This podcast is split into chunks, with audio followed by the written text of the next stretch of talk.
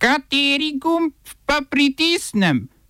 Tisti, na katerem piše OF.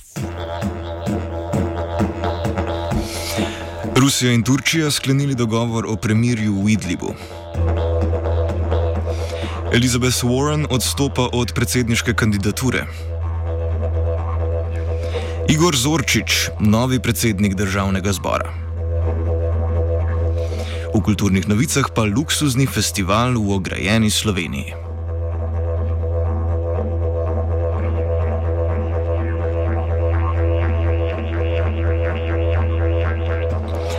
Dobr dan. Ruski predsednik Vladimir Putin in njegov turški kolega Recep Tayyip Erdogan sta dosegla dogovor o premirju v Idlibu, ki je začelo veljati ob polnoči. Dogovor predvideva vzpostavitev varnega koridorja ob hitri cesti M4, ki povezuje vzhod in zahod province. Po dogovoru naj bi Rusija in Turčija 15. marca začeli s skupnimi patruljami na območju 6 km severno in 6 km južno od hitre ceste. Rusija bi tako svojo vojaško prisotnost efektivno razširila severno od trenutnih bojnih linij, dogovor pa ne predvideva umika sirsko-ruskih sil z območji, ki so jih zasedle v zadnjem mesecu. V tem času je umrlo okrog 60 turških vojakov, ki podpirajo islamistične upornike skoncentrirane v Idlibu. V zadnjih dveh letih je propadlo že več podobnih mirovnih dogovorov, pričakovati pa je, da bo tudi zadnji od nadaljnega zgolj zamrznil napredovanje sirsko-ruskih sil. Dogovor tako tudi ne predvideva ureditve vrnitve okrog milijona beguncev, ki so domove zapustili v zadnjih treh mesecih. Po informacijah Sirskega observatorija za človekove pravice naj bi po sklenitvi dogovora že prihajalo do spopadov.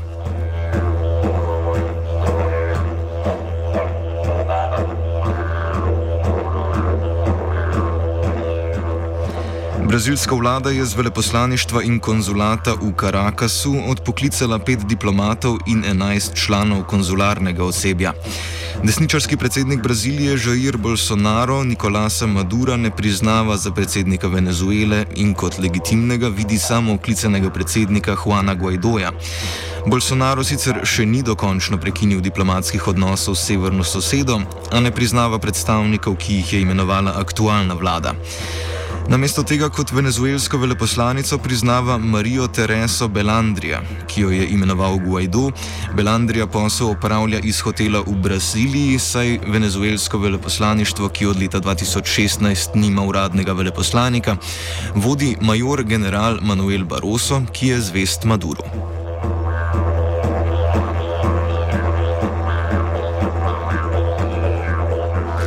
Elizabeth Warren, senatorka iz Massachusettsa, je izstopila iz tekme za nominacijo za predsedniško kandidatko ameriške demokratske stranke. Odločitev je sprejela po slabem rezultatu na najpomembnejši etapi primarnih volitev, tako imenovanem Super Torku. V celotni kampanji je zbrala zgolj 64 delegatov, celo v svoji zvezdni državi je končala kot tretja za prvovrščenim Joeom Bidenom in Berniejem Sandersom. Zaenkrat še ni izrazila podpore nobenemu od kandidatov, poleg Bidna in Sandersa v tekmi ostaja še kongresnica z Havajev Tulsi Gabbard.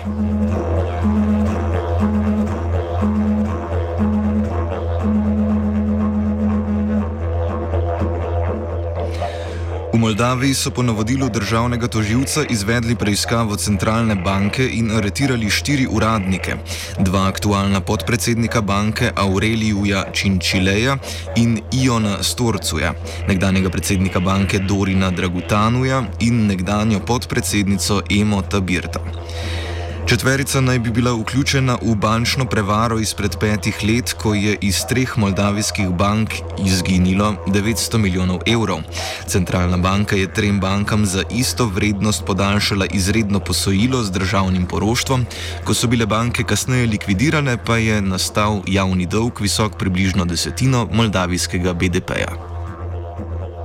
Oba, če bom odgovoril na angliški. Slovenija will try to help. We can Slovenija will and we will do our utmost to say that the situation is our problem ourselves. and uh, We will make further steps as soon as the conditions are. bomo vlado Marjana Cererja, Mira, eh, Marjana Cererja Šarca podprli. uh, very very serious. we know how and we will. Na mesto predsednika državnega zbora je bil izvoljen podpredsednik stranke Modernega centra Igor Zorčič. Še predtem pa so poslanci glasovali o predlogu novele zakona o spremembi volilne zakonodaje. Predlog je predvideval ukinitev volilnih okrajev in uvedbo relativnega prednostnega glasu. Prvi ga je podpisal Brane Golubovič iz LMŠ, ob podpori poslancev manjšin pa so ga vložile vse stranke, z izjemo SDS in Desus, z namenom, da bi z njim odpravile neustavnost zakona o določitvi volilnih enot za volitve poslancev v državni zbor. Predlog je bil zavrnjen, saj je bila za sprejetje potrebna dvotretinska večina, torej 60 poslancev, za pa jih je glasovalo 57. Odgovornost za spremembo zakonodaje je tako preložena na novo vlado, ki ima za njo po odločbi ustavnega sodišča čas do decembra.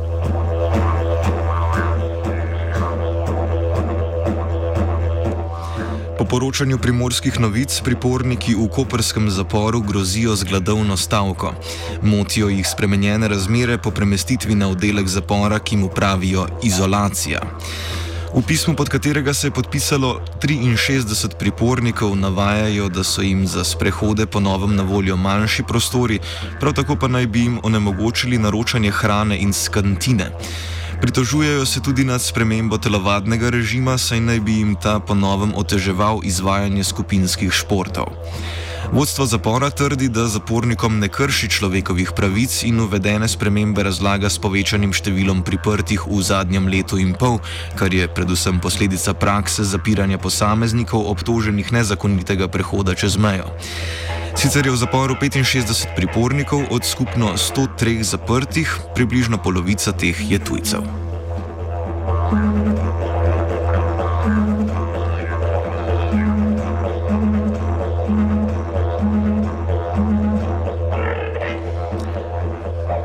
poročanju primorskih novic priporniki v koperskem zaporu grozijo z gladovno stavko, to smo pa že povedali. Um, aha. Se upravičujem. Torej, koronafobija je naša tema. Zajela je tudi obrtnike, ne boste verjeli, pri katerih gorijo rdeči alarmi.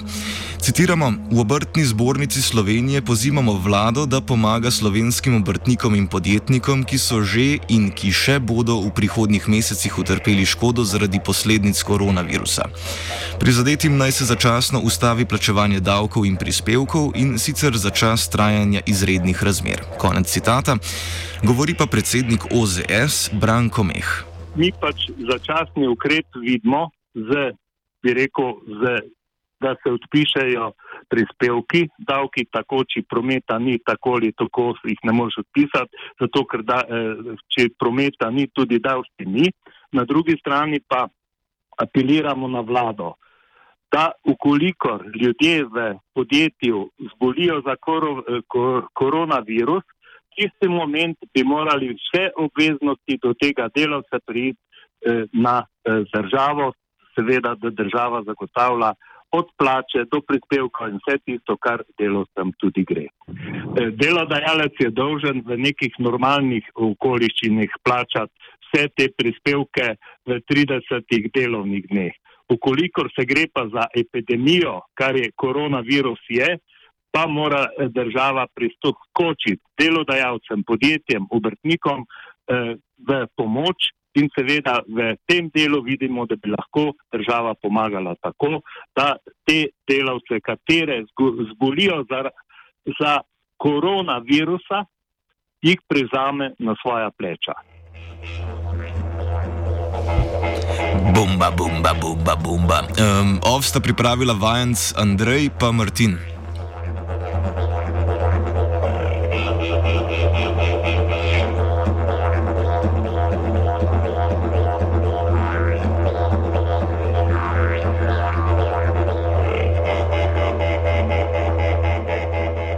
Petak. U petak je, kažu, turski svetak. A mnogi glume engleze kad ih profa nešto pita, a oni nemaju veze. Petak je dan kad mama grah kuha. Kad djeca moraju u školi pjevati, makar i bez sluha. Predlažem da petak bude dan petaka. Dan kad svatko smije od sebe praviti bedaka. Predlažem da u petak svatko dobije petica pet. Da na glavi nosi pet šešira i za svakim cvijet.